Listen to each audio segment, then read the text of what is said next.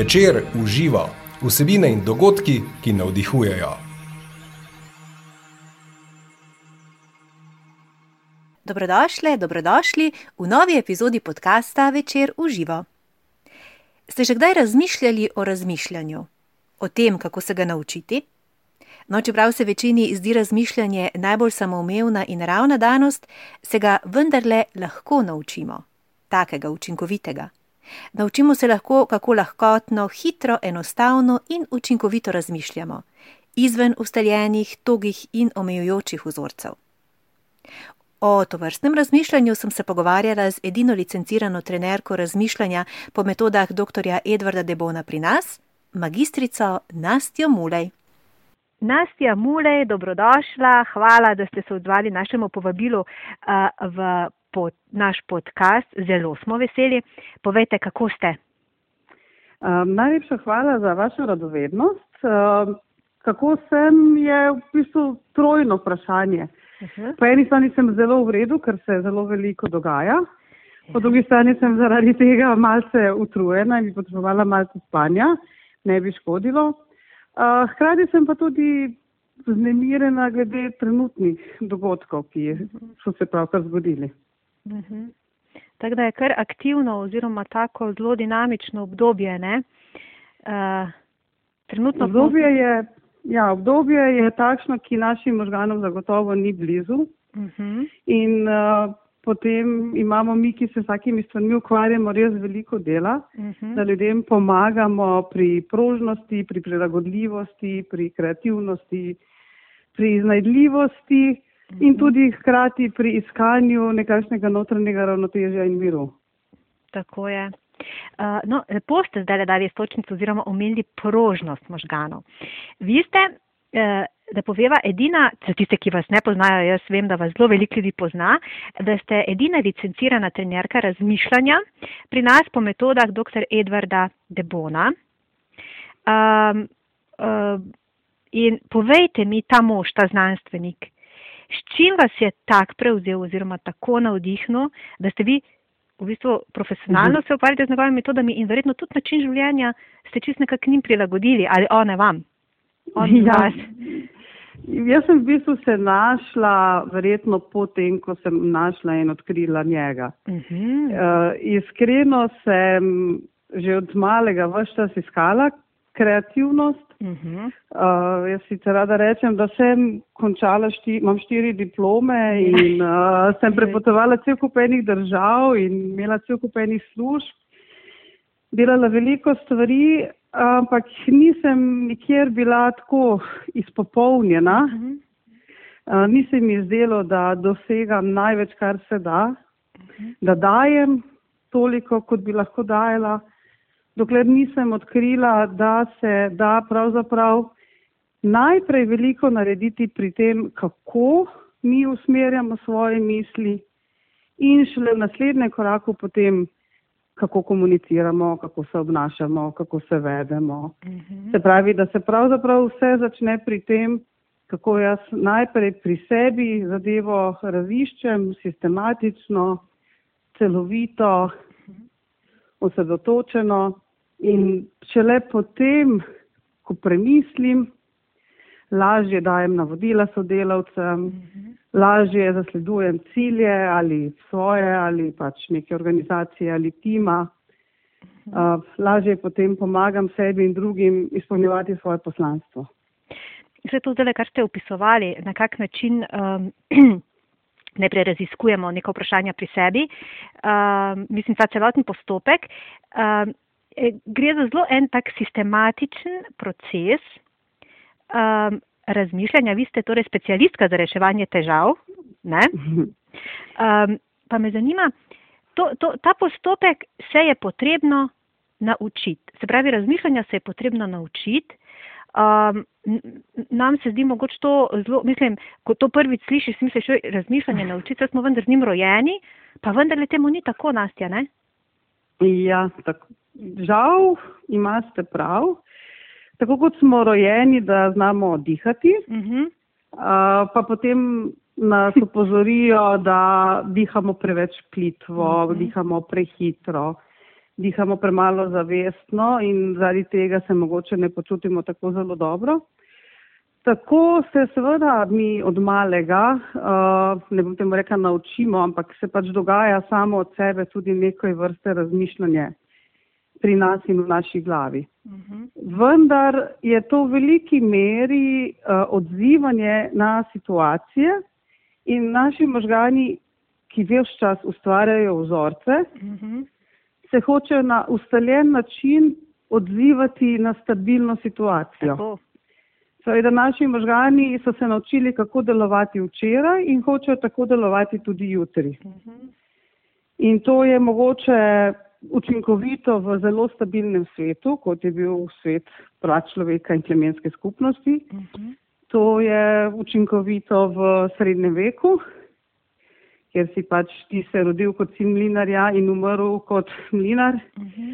V današnjem svetu nenehnih sprememb, s tem, ko se je pač človek v marsikaterih pogledih osvobodil, je to povzročilo za seboj, prineslo za seboj tudi zelo, zelo veliko sprememb, ki se perpetuirajo, ki se mhm. akcelerirajo, ki jih je vedno več. Pa ta naša naravna sposobnost, jaz sem tukaj rekla razmišljanje v mhm. narekovajih, žal ne zadošča več. Mhm. Ne moremo se samo odzvati, odzovemo se pogosto najprej nepremišljeno, čustveno, previdno, zmedeno, boječe. In uh, s tem se marsikdaj pokvari odnos v timu, še predno smo naredili prvi korak. In potem bolj pogosto rešujemo odnose, mhm. namesto da bi reševali, namesto da bi reševali situacije, tako, težave. Tako.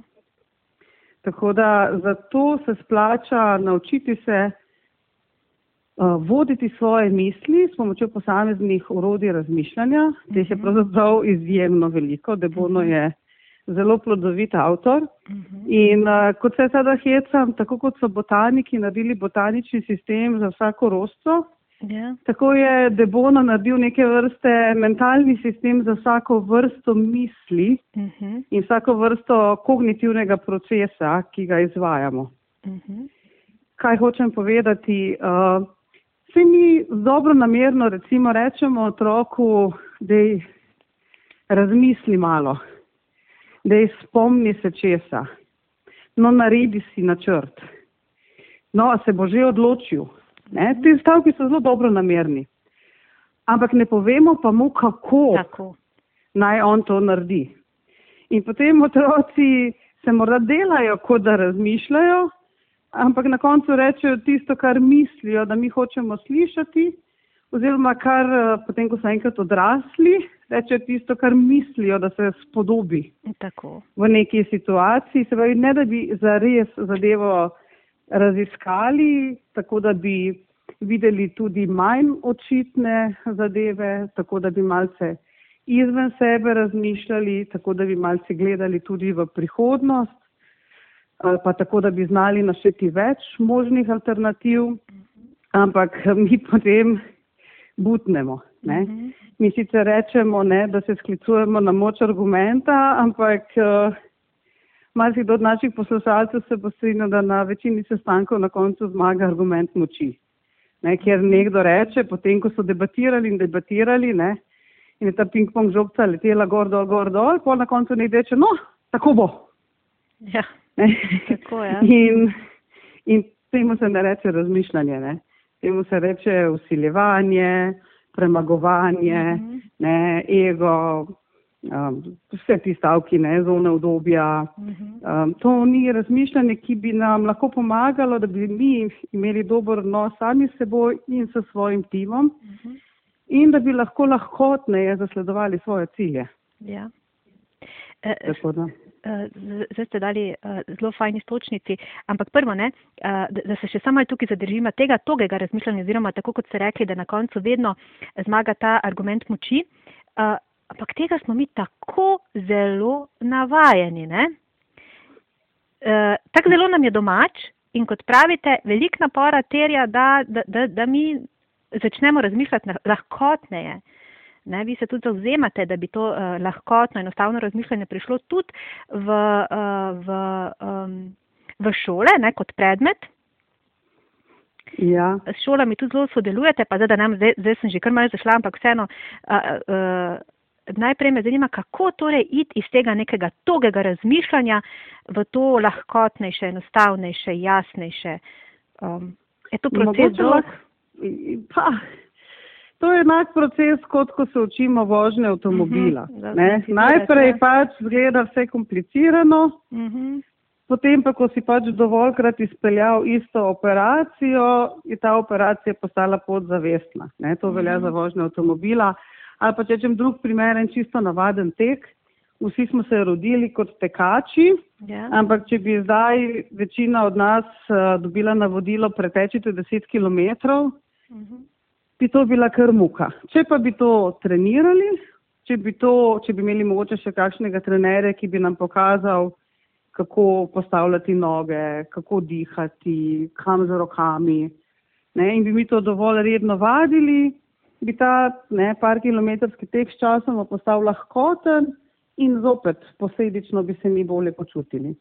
In enako je z vsemi temi metodami, ki jih je razvil Edward de Bono in ki jih jaz uh, z veliko vnemo širim po Sloveniji. Um, najprej mora biti motivacija oziroma želja ali vsaj radovednost, da bi želel nekaj novega, nekaj drugače. Uh mhm. -huh. Potem mora biti pa še malo ustrajnosti in discipline. Ne? Zgodba je podobna, kot če bi se učili tu jezik ali pa nek inštrument glasbeni. Ja. Najprej delaš te preproste primere in jih vadiš in s tem si odpiraš nove vzorce v možganjih in posledično potem ne, postaneš bolj občutljiv na različne tipe misli. Uh -huh.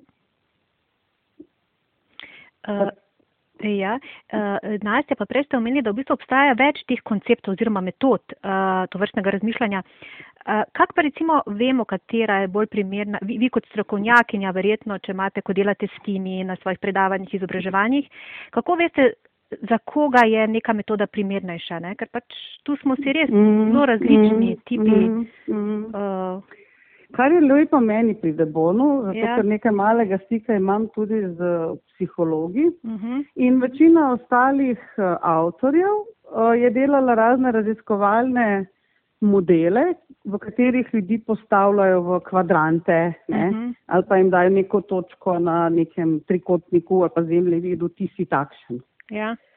Kar je meni všeč pri Debonu je, da te sprejme, kakršen si si. Uh mhm. -huh. In ne glede na to, kakršen si si, če si ti želiš, da bomo mi skupaj nekaj dosegli, boš ti skupaj z nami usmerjal svoje misli v neko naprej določeno smer in skupaj z nami raziskoval. Zdaj, njegova najbolj znana metoda, ki se je najbolj razširila po svetu, je šest globokov razmišljanja. Ja. Jaz si rečem osnovni človeški bonton. Uh. -huh. Eh, to pa zato, ker recimo pri Bontonu, če jaz rečem dober tek, ti meni nazaj ne rečeš dober večer, ampak mi isto rečeš dober tek. Se pravi, da mi dva ne sva v isti smeri. Mhm. Kar pomeni, da recimo, ko jaz na sestanku um, raziskujem informacije, ki jih imamo v neki zadevi, v nekem projektu, od tebe ne pričakujem ideje, ampak tudi pričakujem, da mi boš ti podal informacije, ki jih o tem imaš ali jih o tem potrebuješ. Uh mhm. -huh. In tega ne mešamo recimo ne s čustvi, ne s stališči. Ja. Se pravi, temu rečemo beli klobuk, ko sem jaz v belem klobuku, si tudi ti v belem klobuku.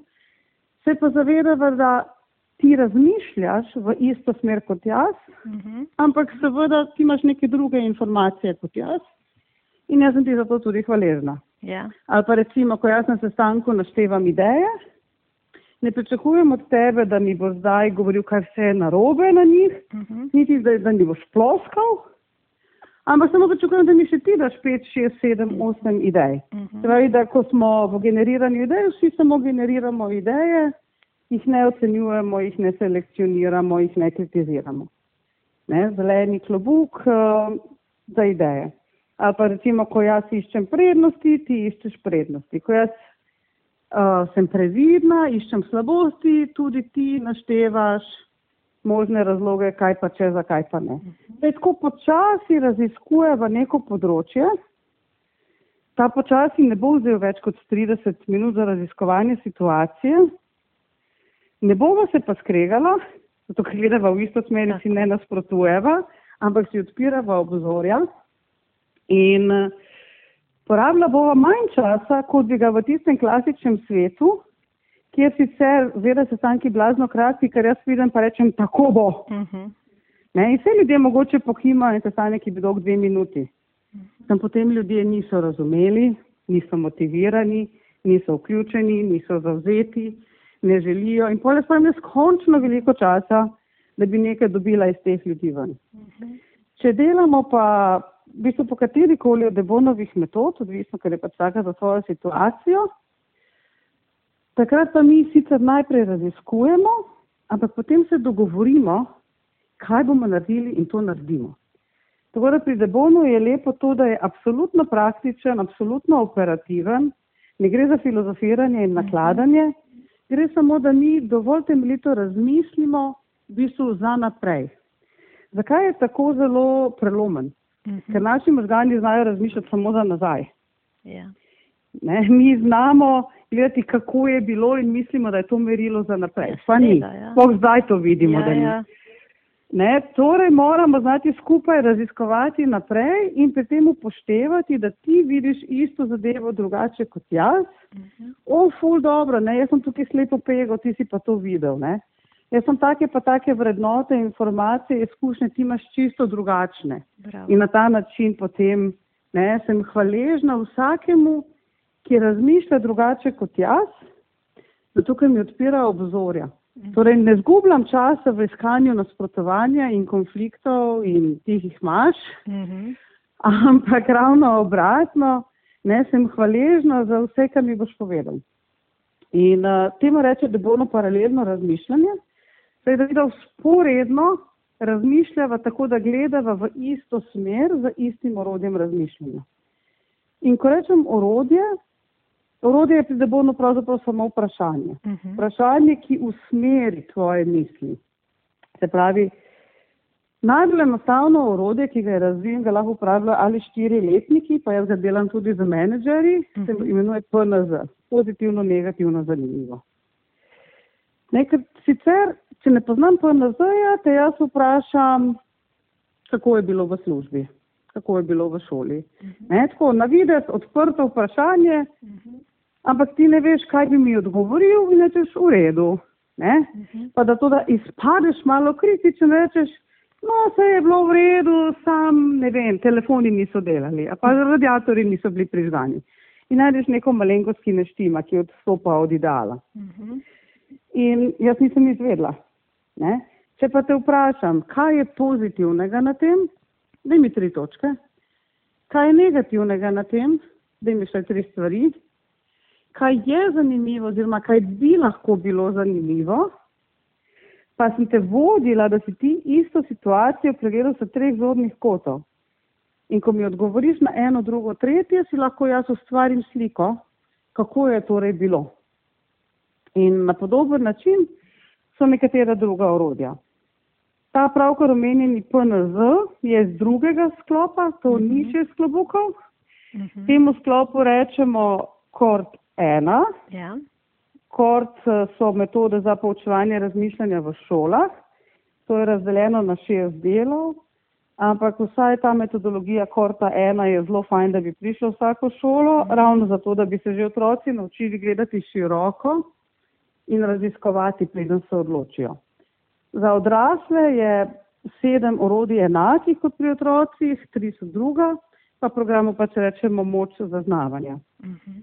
Zaznavanje namreč po debonu predfaza razmišljanja, ampak mi kot sloveso smo veliko več naredili na procesiranju uh. -huh.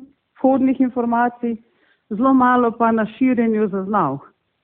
In zato potem včasih ne, je moj rezultat razmišljanja drugačen od svojega, ker jaz zaznavam drugače kot ti.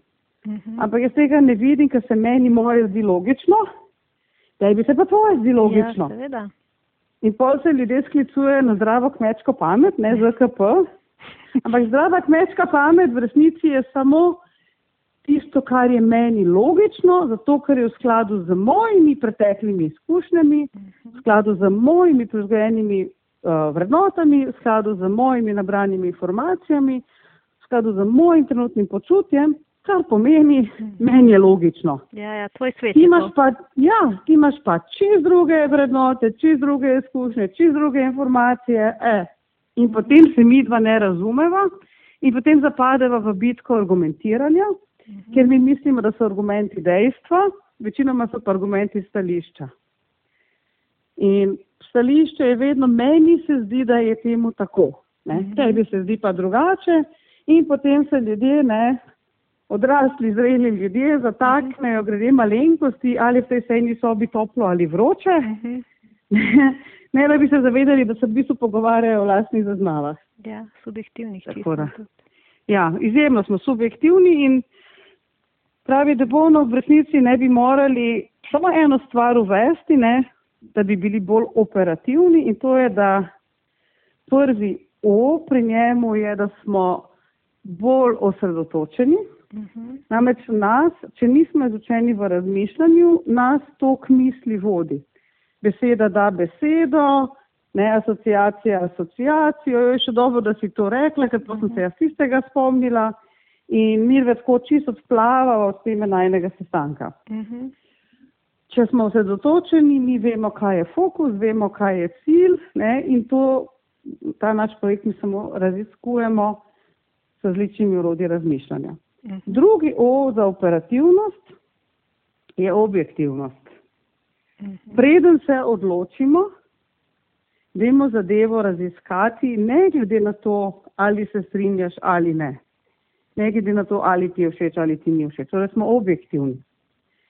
Seveda naj bo odločitev subjektivna. Odločitev je lahko čustveno izpeljana, zato ker se ti hočeš odločiti za nekaj, kar je tebi blizu, kar je tebi ljubo, za nekaj, zaradi česar si ti pripravljen zjutraj vstati. Uh mhm. -huh. Ampak predtem je pa fino, da razlišča zadevo čim bolj objektivno, ker ti marsikdaj, kadar postaneš pozoren, vidiš še stvari, ki jih sicer ne bi videl. No, tretji O za to operativnost našega razmišljanja, temu pa jaz rečem obsežnost, mislimo pa sicer tukaj celovitost, torej da bi se izognili tej enostranskosti. Ne? Mi mhm. večinoma govorimo stvari, ki so voda na naš mlin. In to je enostransko. Uh mhm. -huh. In potem ti par stvari spregledaš, par stvari se ti ne zdi pomembnih, ne par stvari niti ne veš, da obstajajo in potem se čudiš, ne, ja. da se ne razumemo. Torej, celovito pa pomeni, pri sebi raziščem zaznave in še upoštevam vse tvoje in od vseh ostalih v timu. Zato se zveni blazno komplicirano in um, mogoče malce abstraktno ta trenutek, uh mhm. -huh. ker je pravzaprav isto, kot če bi vam jaz hotela razložiti, kako se pleše tango z besedami. Ja. Ja, ko, pa ti, ko pa imaš ti enkrat učitelja tanga in ti sam postavljaš tiste noge, levo, desno, yeah. slišiš tak glasbe, pa te to vodi. In potem yeah. veliko lažje vidiš. Ne? In težava pri razmišljanju pač nažalost je to, da so misli neopredeljene, uh mhm. -huh. neotipljive. Um, in kot se sedaj pohecam, pameten kmet ve, da rabi orodje, da bo skopal lukno. Uh mhm. -huh ker se lahko skople luknjo tudi z golimi rokami, ampak pametno smet ve, da bo z orodjem hitreje naredil tisto luknjo, ne, manj ga bo križ bolel, manj bo umazan. Večina ljudi, predvsem tiste, ki bolehajo za zelo močnim egom, uh mhm. -huh. pa misli, da kakšna orodja pa jaz tu potrebujem, saj jaz sem pa ja dovolj pameten, uh -huh. pa mhm. načitam, pa izobražen. Ja, Tako da ravno pri teh egobojc, ne, egoborcih, uh, egotripih je največja težava. Ne? Se pravi, vidiš je, kot so ljudje na položaju, bolj so v resnici negotovi in manj si želijo učiti se razmišljati. Uh -huh. Uh, v šoli vidimo, recimo na teh naših krožkih in klubih za razmišljanje, se najbolj odprejo ravno učenci, ki se ne znajo zares igrati pravil šole. Aha. Zato, ker so dobili pripomoček, kako lahko usmerjajo svoje misli. In tudi v podjetjih um, se vidi, da v to ne, učenje razmišljanja se tam najbolj znajdejo tisti, ki res uživajo v vseh možnostih, ki se nam dogajajo med našimi ušesi. Uh mhm. -huh. Ne? Če pa si ti nesiguren, ego trip, potem boš pa raje rekel, tako je, kot jaz rečem. Ne? In se potem ne premakneš nikamor več. Na dolgi rok pa to ne daje učinka, ne pri rezultatih, ne pri timskem delu. Ne pri zadovoljstvu, tudi osebnem končno. Ja, ja, ja.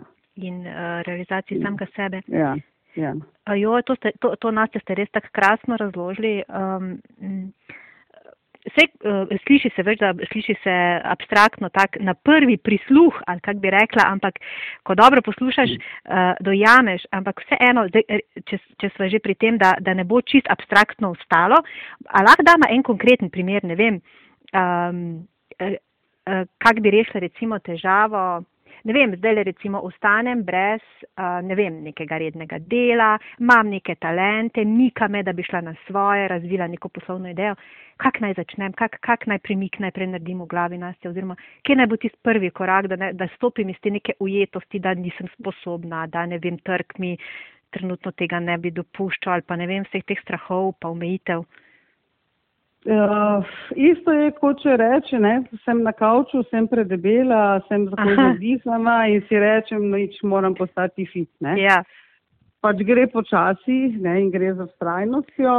Uh, tukaj, kada gre za razmišljanje, mi vedno rečemo najprej vzami svinčnik in papir, uh mhm. -huh. ne, nehaj držati misli v svoji glavi, Bravo. ampak že to je nekaterim ljudem blazno težko. Ne.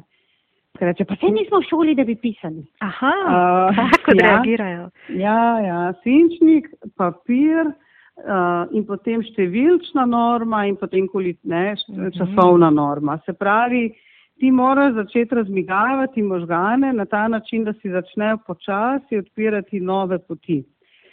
In uh, začetne vaje so zelo, ne, ta osnovni PNZ, Uh -huh. ne, kaj pozitivnega, negativnega, zanimivega, naprimer na Mhm. tem, da sem jaz ostala brez službe. Uh -huh. Um, pa napiši vsaj sedem plusov, vsaj sedem minusov, vsaj sedem zanimivosti. Uh, potem pa je v bistvu po vsakem razmišljanju so v bistvu samo tri točke. Prva točka, kje sem, Uh -huh. druga točka, kam želim priti in tretja točka, ki poveže prvo in drugo in se glasi, kako bi lahko prišel do tja. Uh -huh. Se pravi, najprej lahko rečemo temu, v tem konkretnem primeru, ker razmišljanje ni samo za reševanje težav, v tem konkretnem primeru pač moraš najprej spoznati, kaj je tvoj položaj. Recimo, da če zdaj gledam, sem brezposelna, ne, prvi korak, uh, kaj vse so moje prednosti, veščine, vrline, kompetence, znanje vse pozitivne točke, ki jih znam, ki jih imam, ki jih vem. Uh -huh. Naj jih bo vsaj 30. To jaz delam z mojimi puncami. Uh -huh.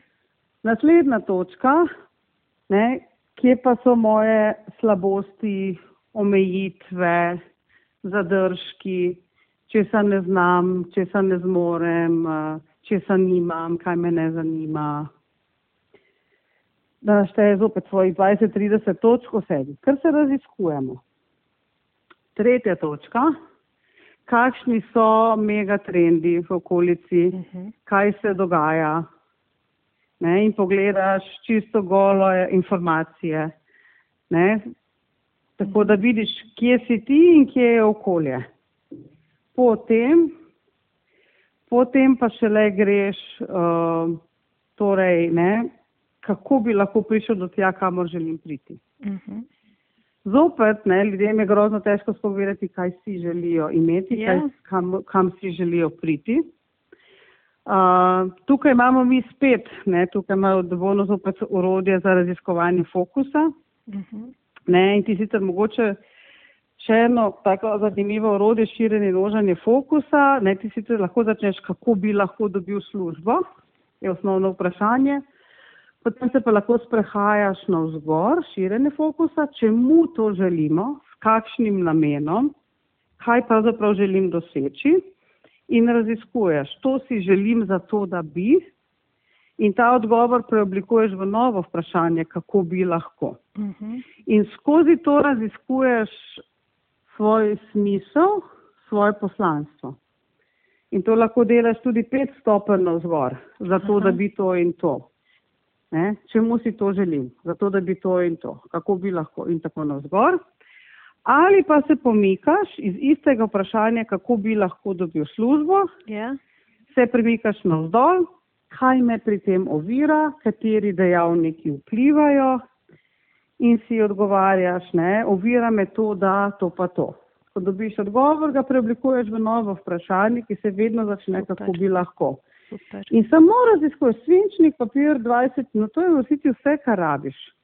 Uh, pravzaprav niti, če so ljudje zelo disciplinirani, ne rabijo niti trenerja, kot sem jaz. Uh, ima debono knjige v slovenščini, ki so v bistvu bolj delovni zvezki in par odstotkov ljudi je recimo vse sposobnih sami naučiti jezik Mhm. imajo dovolj lastne discipline.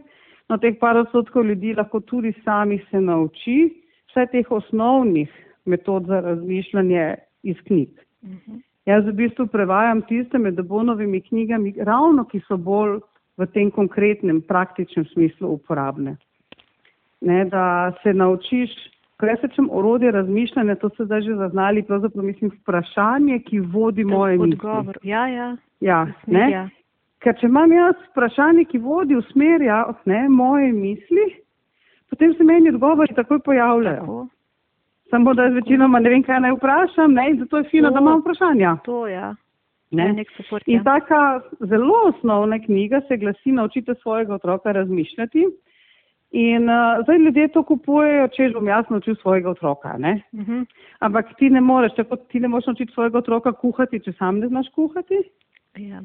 Ob, obstajajo sicer primeri, pa je ne, kjer je oče od Andreja Agasija ga naučil tenis, ne da bi sam znal tenis, ampak je bolj redko. Ne, se pravi, ta knjiga je uporabna, ti sebe naučiš Ja, in z otrokom vadiš. ja. Uh, ker v tej knjigi imamo mi in šest klobukov razmišljanja in tale kort ena in osnovna urode lateralnega razmišljanja Mhm. in še neke njegove strukture. Kakorkoli po vsakem poglavju, ki je dve, tri strani dolgo, imaš ti enih 8 do 10 vaj. Mhm. To je vse, kar ti je potrebno v življenju, je, da narediš tri vaje na dan. Ne, prebereš tri strani, pa narediš tri vaje na dan in če to delaš šest mesecev, se ti bo takoj poznalo. Uh, tako da ni tako težko, ni pa čudežne tabletke.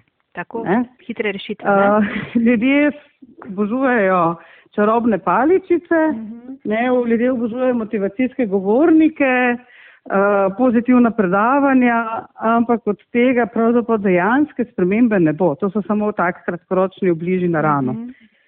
Uh, tako da jaz pravzaprav ne maram, se tudi ne bi ravno predavala ljudem, ampak imam raje, ne, dajte vi k meni hoditi vsaj 12 srečanj po dve uri. Ne. Mhm.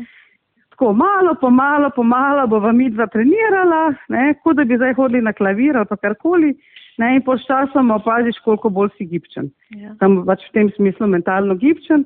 In potem, ko si se ti naučil našteti veliko število možnosti, Mhm. te ni več strah. Ker ljudi večinoma omejuje to, da jih je strah. Ne vem, ne znam, Ja, nimam, nisem dovolj dober. Cel kup teh neumnosti imajo v sebi. Ne? Ko pa se ljudje naučijo, ok, če ne bo to, bo pa tako ali pa tako ali pa tako. Ne? Če ne bo tako, bo pa tako ali pa tako pa tako. Ne, saj, ko se naučijo, ko si mi zaprejo ena vrata, si odprem deset novih, aha, ok, življenje gre naprej. Ne? In potem iz problema nastane priložnost. Ker pravzaprav se ni težava v tem, da imajo ljudje probleme. Težava je v tem, da se ljudje odzivajo ja. na probleme, kot da so problemi. Ne? Ja, In ja. mi so rekli, ne, o, super, ne, glej, no, mislim, tako, zdaj se karte mešajo, oh, ne, se bom lepo peljal v igro. Če boš pa zablokiral in zablokiral boš, če nisi vešč te fleksibilnosti, te prožnosti, vešč pa ne moreš biti, če nisi nikoli vadil, Tako. ne, potem boš pa pač otrpnil, ne, se prestrašil, zmrznil. Uh, tako da jaz vedno pogumljam ljudi, ne, da tako kot si vzamejo vse dvakrat na dan po tri minute, zato da si umijajo zobe, zato da bi čim bolj odložili težave z svojimi zobmi, Mhm. tako jim predlagam vsaj dve, tri minutni vaji na dan. In kar je lepo pri debonovih treningih, je to, da to so dejansko uh, ne, taj, uh, dovolj hotel sem cel kup stvari hkrati povedati, ker sem bila besede, ko mali otroci. Misli, ja. ja um, dovolj je, da ti začneš s takimi osnovnimi divergentnimi vajami, uh, si na sprehodu, vidiš en list na tleh, uh mhm. -huh. pa si rečeš, jaz sem pa zdaj v treh minutah naštel vsaj sedem stvari, na kaj mene spominja ta list. Uh mhm. -huh pa bom jutri videl, ne vem, nek kamenček na tem sprehodu, pa bom naštel vsaj devet načinov, kako bi jaz lahko uporabil ta kamenček. Uh mhm. -huh. Pa bom potem, ne vem, naslednji dan na sprehodu videl, da se tam odpira nova trgovina, pa si bom rekel, no zdaj bom jaz hočem najti vsaj 12 imen za to novo trgovino. Ja. Sej, vaje na začetku so lahko čisto banalne in tri minute so več kot dovolj, Morate se pa malo pomatati na začetku, da dajete to količinsko normo, ne vsaj sedem, vsaj devet, vsaj dvanajst, vedno več. Ker prve tri, štiri odgovore ljudje vemo, ker na njih ni nič novega. Ja, ja. ne, mi, uh, in žalost me je, da na sestankih se tega ne zavedajo in potem trije rečejo isti odgovor in mislijo, o, kakva fajn ideja, vsi mislimo isto. Sploh se ne zavedajo, da to ni ideja, ker ideja je po definiciji misel, ki je še ni bilo ja. in zelo, red, zelo redko pride na začetku takoj. Uh mhm. -huh. In zelo redko pride večjim ljudem istočasno, ker je ideja kot misel, ki je še ni bilo našim možganom zelo neudobna. Ker jim ni udobno razmišljati o nečem novem. Možgani hočejo razmišljati o starem. Ne, kot je rekel Debono, ne, možgani so briljantno nekreativen organ. In to je nalašč. Mhm. Ker če bi bili možgani nenehno vse čas namerno kreativni, bi bilo naše življenje nemogoče. Ker bi mi rekli, ha, ne, zdaj bom pa našel 22. način, kako si lahko skuham kavo. Ne? Predno grem ven, dan se pa zanima 50. način, kako si zavežem čevlje. Ne gre. Ne? Možganom je lažje, tako se skuha kava, tako se zavežejo čevlji, to je to. Zato pa je tako težko biti kreativen, ker je to redko, kadar je od nas potrebno, nimamo dovolj veščine, razen če si sami tega ne odločimo trenirati. Um, in zato smo tako zgubljeni, ne, ker pa tudi šefi v firmah tega ne vejo, pa sem reče, no bomo mi za en hekaton imeli, pa boste vi nekaj pametnega izpljunili. Ne, a, ne more ljudje na hekatonu, mhm. ki je enodnevni, dvodnevni, mogoče tridnevni dogodek, ki je zelo pod pritiskom, mhm. ne, si zmisliti ful novih stvari, če jih ti nisi treniral. Ja. Ker je to isto, kot če bi jaz za tebe zahtevala, da ti pretečeš maraton, ne bi te trenirala, bi ti pa žela pico pa Coca-Cola. Ne? Mhm. Vse nekako slejko prej bi ti mukoma že naredil tistih 42 km tam bi trajalo dva dni, verjetno, ne? pa ne bi bil ravno zadovoljen in srečen. Tako da ti šnel kurzi, uh, pa te blitzkrigi uh mhm. -huh. ne funkcionirajo. Ne? Kot so nas učili poštevan, kot če se spomnimo, ne, drug, ne, drugi, tretji, četrti razred, uh, kot smo imeli pravzaprav matematiko eno uro na dan, štirikrat na teden, tako bi morali tudi metode namernega razmišljanja učiti postopno in ustrajno. In uh, Debono ima program za šest let v šolah, uh mhm. -huh. potem ima pa še goro stvari za odrasle. Ne? In tako kot ljudi zdaj pošiljajo na tečaje nemščine, pa tečaje angliščine, tako bi jim pač morali dajati tudi ne vem, vsaj metodo šestkobukov razmišljanja, da bi bolje sestankovali, uh mhm. -huh. metodo lateralnega razmišljanja, da bi si lažje izmislili nove prelomne provokativne ideje, metodo mod zaznavanja, da bi hitreje se odločali pa bolj natančno načrtovali, metodo šest medalj vrednosti, da bi znali prepoznati vrednosti, ne bi katere izpustili. Uh mhm. -huh. Cel kup stvari bi lahko naredili, metodo ne, simplicity, da bi znali optimirati postopke. Vsaka izmed njih ne, so svoja orodja, svoje vprašanja in delujejo. Sam pač mhm. ne delujejo čez noč. Tako. Tako. Ampak po nekaj, po malo uporabe pa super funkcionira zadeva. Nadja, pa koliko so zdaj te naše organizacije oziroma podjetja pripravljeni uh, koliko so odprti, vi zdaj ste že kar nekaj let prisotni s, tem svojim, s temi svojimi programi, uh, pri nas pa uh, se uh, vedno bolj odpirajo, so dojemljivi? Uh, mislim, zagotovo so, zato ker so tudi časi temu vedno bolj naklonjeni. Uh Mhm. -huh. Ne, časi so bolj naklonjeni iz dveh razlogov. Eno je, da pač, ko dovolj dolgo govoriš o neki potrebi, ljudje začnejo zaznavati Ja. In drugo je, da, da so pa res ugotovili, da bo treba nekaj spremeniti. Ne vsi, mislim, imaš tudi Ja, podjetje, ki so zdaj v krizi skleni, da bodo oni ne šparali na izobraževanju. Ampak dobro, jaz si tak podjetje, ki najamejo mene, vem, da so najboljša podjetja. Ker slaba podjetja se niti ne zavedajo te potrebe. Uh, se pravi, tiste, ki bi to najbolj, rav, najbolj potrebovala, itak ne pridejo. Ja. Uh, dobrih pa je, hvala Bogu, dovolj in vedno več. In kar je meni najbolj všeč, um, potem, ko sprobajo eno, pa potem pridejo po drugo, pa potem pridejo po tretje. Tako da se zavedajo, da jim je lažje, ne? Ja. da jim je lažje sodelovati, da jim je lažje biti celoviti, da lažje se spomnijo novih zadev. Da zadeva mislim, ni samo v besedah, ampak je tudi v učinkih. Tako da ne bi se pritoževala. Mogoče je na začetku res bilo težje, ker eh, kaj češ ti, da si trenerka razmišlja in da vsi gledajo. Tako, aha. ja, vse verjamem. Ja. Um, ampak zdaj pa je že to, mislim, sem začela, pravzaprav sem bila 2005 prevedla šest klobukov, Mhm. se pravi, zdaj je že kar nekaj let minilo od prve knjige, poleg Debono med leti 2010 pa 2016, bil os, ne, šestkrat v Sloveniji, skupaj osemkrat. Uh, več kot 30 intervjujev je imel v slovenskih medijih, tudi v večeru. Mhm. Tako da malo po malo se je zgodila ta občutljivost na to vrstne teme. Uh, kar se seveda dogaja, je, da pač imamo pa kot povsod tudi copycate, ne? se pravi ljudje, ki pač preimenujejo, preoblikujejo njegove zadeve pod svojim imenom. Um, ampak nasplošno, če kdaj se zdaj, verjetno v zgodovini človeštva najbolj ljudje zavedajo, da se splača trenirati tudi svoje možgane. Seveda. V bistvu je to ključno, zdaj po vsem, kar smo se mi dve tule dorekli oziroma povedali. Ne. Ta, ti, ta, ti treningi uh, po debonu so v bistvu tudi enostavno treningi za življenje nasploh. Ne. In tega, In treningi za življenje nasploh in ko gledam, jaz sem zdaj med obema koronama, sem imam brezplačne delavnice zvečer, so izjemna družabna igra tudi. uh -huh. Ne, zato, ker to je kot, da bi se šli družabno igro, na katero ne veš, kateri odgovori so možni.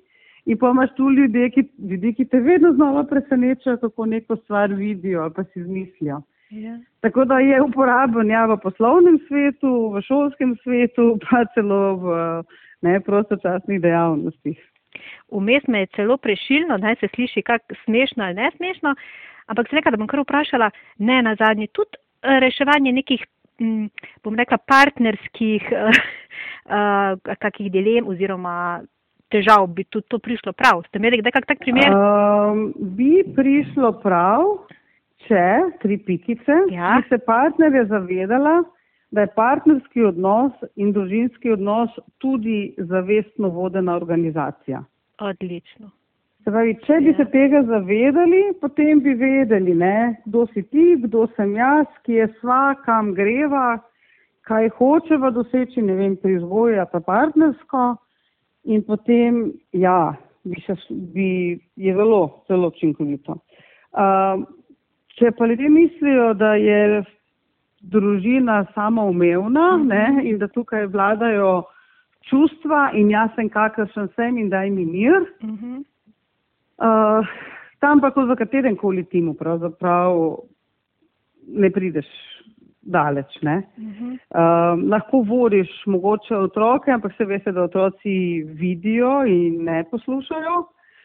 tako, da, Ja, seveda zgleda. um, tako da tam, kjer se pa zavestno lotijo, ampak zdaj bo nekdo rekel, ja, kje pa je tukaj spontanost? Ne? Uh -huh. Uh, spontanost je znotraj strukture. Ja. Ne, Ja. Ljudje se dobro počutijo, kadar imajo znano strukturo, znane cilje, so pa svobodni pri tem, kako bi jih lahko dosegali. Um, ljudje potrebujejo občutek dosežka in občutek priznanja. In uh, se pravi, če ni družina samo prostor, kamor grem spat pa jest, ampak jo zavestno so ustvarjam, tam ti pa zelo pride prav. Ja, bravo. Jo je zelo, mm. zelo lepo, zelo polno. Ja, no, mm. zdaj tole, tale spontanost, to je v bistvu kot elektrika znotraj teh orodij, ki pride, ki v bistvu steče, ne? Ja. ne? Ja, zato, ker ne, če se jaz dobro počutim, pa se ti dobro počutiš, Seveda. potem so pa lahko sproščena in spontana. Ne? Če pa jaz zamerim, pa se poljas neki delam, pa si ti užaljen, pa si ti v svoji jami noter, mm -hmm. Potem pa kaj ti koristi takšna spontanost? Ne? Drži. Sem zahteva to tako kot, ne, tako kot treningi dihanja Delo. in treningi ja, teka. Ja na začetku, kot vožnja z avtomobilom, zahteva delo. Ne? Če pa boš to dovoljkrat sprobal, kot smo rekli na začetku, ne, pa boš pa fajn speljal in super vozil. Ja, avtomatika, seveda. Ja, ne, zavestna avtomatika. Tako, zavi, ta poudarek zavestna ja. avtomatika, zelo ja. dobro, ja, zelo dobro. Natja, kaj je pa recimo to, ta, ta te metode, vse raz, uh, razmišljanja in ti koncepti. Kako so pa vaše življenje spremenili? Zdaj vemo, profesionalno se s tem ukvarjate, sicer verjetno tudi pa vaše družine, vaši otroci to uporabljajo, zagotovo. Uh, me, jaz sem, jaz, meni so se končno vsi kamenčki v mozaiku postavili, kot se morajo. Uh mhm. -huh. ja. Uh, tako da meni končno ni več dolg čas v življenju mm. in ni več brez veze. Um, ko sem, jaz sem začela 2-5-2-6 in so me zanimali samo timi. Potem je Debono, potem sem za 7-2-8 rodila in ko je Debono prišel 20, imel tisto zelo odmevno predavanje na ekonomski fakulteti. Zanimivo ne, je moja se prvič ne, zaznala v njegovem predavanju, da je rekel, da je najprej razvil urodje za razmišljanje za šole, potem šele za time. Ampak dokler nisem imela otrok, me to sploh ni zanimalo, kar je zelo ja, zabavno, kako človek. Ja, ja. Če tam, kjer ne poslušaš in obožuješ debona, ampak ko te otroci ne zanimajo, to tega ne, ne slišiš. Ja. Ne? Ja. No, takrat sem se pa jaz zaklela, to bodo moji otroci imeli na svoji šoli. Je bilo spet kar nekaj borb, ampak smo prišli do tega, da je Debono prišel v Maribor, smo bili šest dni zaprti v hotelu Habakuk leta oktober 2010. Uh, nas je učil ta kort. Um, Srečali smo se takrat z ministrom za šolstvo in generalno sekretarko. Kolegica je doktorirala iz uporabe korta na slovenskih šolah in jaz od leta 2012 učim učitelje. Uh mhm. -huh. Ampak vse kot uh, tako prostovoljno, kako bi temu rekli. Neobvezno, ja. Nismo, nismo prišli mi, tudi po štirih letih sestanku na ministrstvu nismo mi napredovali do tega, da bi zares razumeli. Uh. -huh. Uh, ne glede na to, pa hvala Bogu vsako leto tam nekje 50-60 učiteljev, ki uživajo v tem, da se to učijo uh mhm. -huh. in nekje polovica njih pol tudi dejansko vodijo te krožke za razmišljanje. Uh, tako da tudi na naši osnovni šoli smo jih imeli uh, in smo imeli tako razredničarko, v petem razredu, da sem pri, najprej pri enem, pa, pa pri drugem, vsak ponedeljek zjutraj bila v razredu, pa eno uro. Uh -huh. uh, moj sin zdaj še enkrat hodi, ker imam preko Zuma, da no petih, pet pa petnajst danes imamo spet. Aha. Šola za razmišljanje. Um, tako da ne moreš, ne, se tako družina glasbenikov verjetno avtomatično ne vzame kak inštrument v roke, -huh. verjetno tudi taki družini, kot smo mi avtomatično se malo naučiš razmišljati širše. S tem, da moram pa čisto iskreno povedati, da moja hči je pa tako od pubertete dalje, saj ta trenutek, alergična. Aha, ja, tam ja. pa moram paziti, da ne uporabim kakšnega preveč eksplicitnega urodja za razmišljanje. Ja, ja da se po takoj zasluti. Uh mhm. -huh. Um, tako da to je zelo zabavno opazovati in me zanima, no, če se bo pol vrnila k temu, kar je nekoč znala. Mislim, vsi pravijo, da se bo, zdaj vsake toliko časa me kar zapeboli in potem si rečem, gledaj, a ni fino, razmišlja čisto drugače kot ti. no, evo, evo. In rekli. Tako da moje debonostvo je zdrave najstnice zelo na preizkušnji. No. Um, ker lažje imeti otroke, ki ti sledijo, ne, ponosni na mamico, kot otroke, ki zavestno iščejo svojo identiteto s tem, da nasprotujejo znanemu. Uh -huh. um, e, tak ste verjetno bili vi, ne? Ja, moj, jaz, sem zrasla, jaz sem zrasla z očetovim stavkom, razmišljam te, ker poslušaš, um, poslušam te, ker razmišljaš drugače kot jaz. Ne, jaz najstnica, ki jo bo razgnalo in je proti mhm. vsemu, on se posede pa reče, no povej mi, poslušam te, ker razmišljaš ti drugače kot jaz. No. Tega se ne moreš. To? to. Uh, tako da, ja, meni je ta debonov način pravzaprav bil položen v zivolko, ker se je moj oče pravzaprav poklicno in akademsko ukvarjal uh mhm. -huh. s sistemskim razmišljanjem, z inovacijskim menedžmentom, zdaj za družbeno odgovornostjo. Uh mhm. -huh. In to dela, pravzaprav delam podobne stvari kot on, samo da on na znanstvenem nivoju, jaz to pravzaprav zelo terensko in praktično. Ampak, jaz sem rasla tem sem potipkavala njegove tekste, hodila na njegove konference in pol ne, avtomatično posrkaš ta način. In zato je bilo verjetno meni tako neskončno dolg čas do 28. leta. Ne, ker v vseh teh klasičnih šolah, oh, ni bilo dovolj. Tega, ne, ti nihče ne da te širine možnosti, ki mhm. obstajajo. No. Tako. Tako da, ne, če jaz zdaj se vrnem k tisti naši gospe, ki je izgubila službo, pa ne, potem ja. išče nove priložnosti. Ja. Uh, jaz vedno rečem, ne pojdi v službo, ne, izumi se Bravo. in zasleduj tisto, kar lahko ti daš. Ko vsak izmed nas ima nekaj, kar lahko da in je lepše ustvarjati in zasledovati svoje cilje, kot pa cilje nekoga drugega. Tako da, tale ekspano ne, na, na Morski soboti so naredili eni moji bivši udeleženci ki se jim je zgodilo točno to. Uh, Nastja je rekla, da je najboljša stvar na svetu, da smo izgubili službo. No, kaj bomo pa zdaj? To so naredili ekspano. Ne? Tako da, um, da se. Če greš po manj ustaljenih poteh. Tako, pa kot ste rekli, kot problem postane priložnost. Ne? Točno tako. Ja. Nastja, deva še za konec tega lušnega, zelo fajnega, takega pozitivnega pogovora. Sam To mi še povejte, sloga naših podkastov je vsebine in dogodke, ki navdihujejo. Naše sogovornike na koncu vedno vprašam v tem stilu, kaj nas je, kaj vas navdihuje v življenju. Zdaj, vse ste že nanizali, ampak vseeno mogoče nekje pod črto, da potegneva skupaj. Um, prva misel, ki mi je šla skozi glavo, bi rekla odgovori mojih udeležencev. -huh. Jaz sem zdaj, čez praznike, vsako jutro od 9 do pol 11 poskusne zajčke za eno novo debonovo orodje, metodologijo, šest medalj vrednosti. Uh -huh. In našlo se je dovolj ljudi, ki si želijo meni pomagati in vsako jutro med prazniki ob devetih vstati in se skupaj z mano učiti. In ko jaz poslušam njihove odgovore, jaz to plavam nad oblaki. Tako da uh, mene dejansko najbolj navdihujejo moji udeleženci. Ne, jaz nisem tip narave ali pa tako, Uh, ampak, ko pa je slišim tako, oh, kaj se je on spomnil, oh, kako to on vidi, jo, to bi pa lahko, ne, to. pa mene kar odpelje. Tako da uh, to sodelovanje, ta različnost, ta širina, tega se po mojem nikoli ne bom naveličala. Več informacij o podcastih in dogodkih večer v živo najdete na spletnem naslovu večer.com poševnica v živo in na facebook strani večer v živo. Tudi tokrat sem bila z vami Maja Furman, srčno in srečno, dok malu.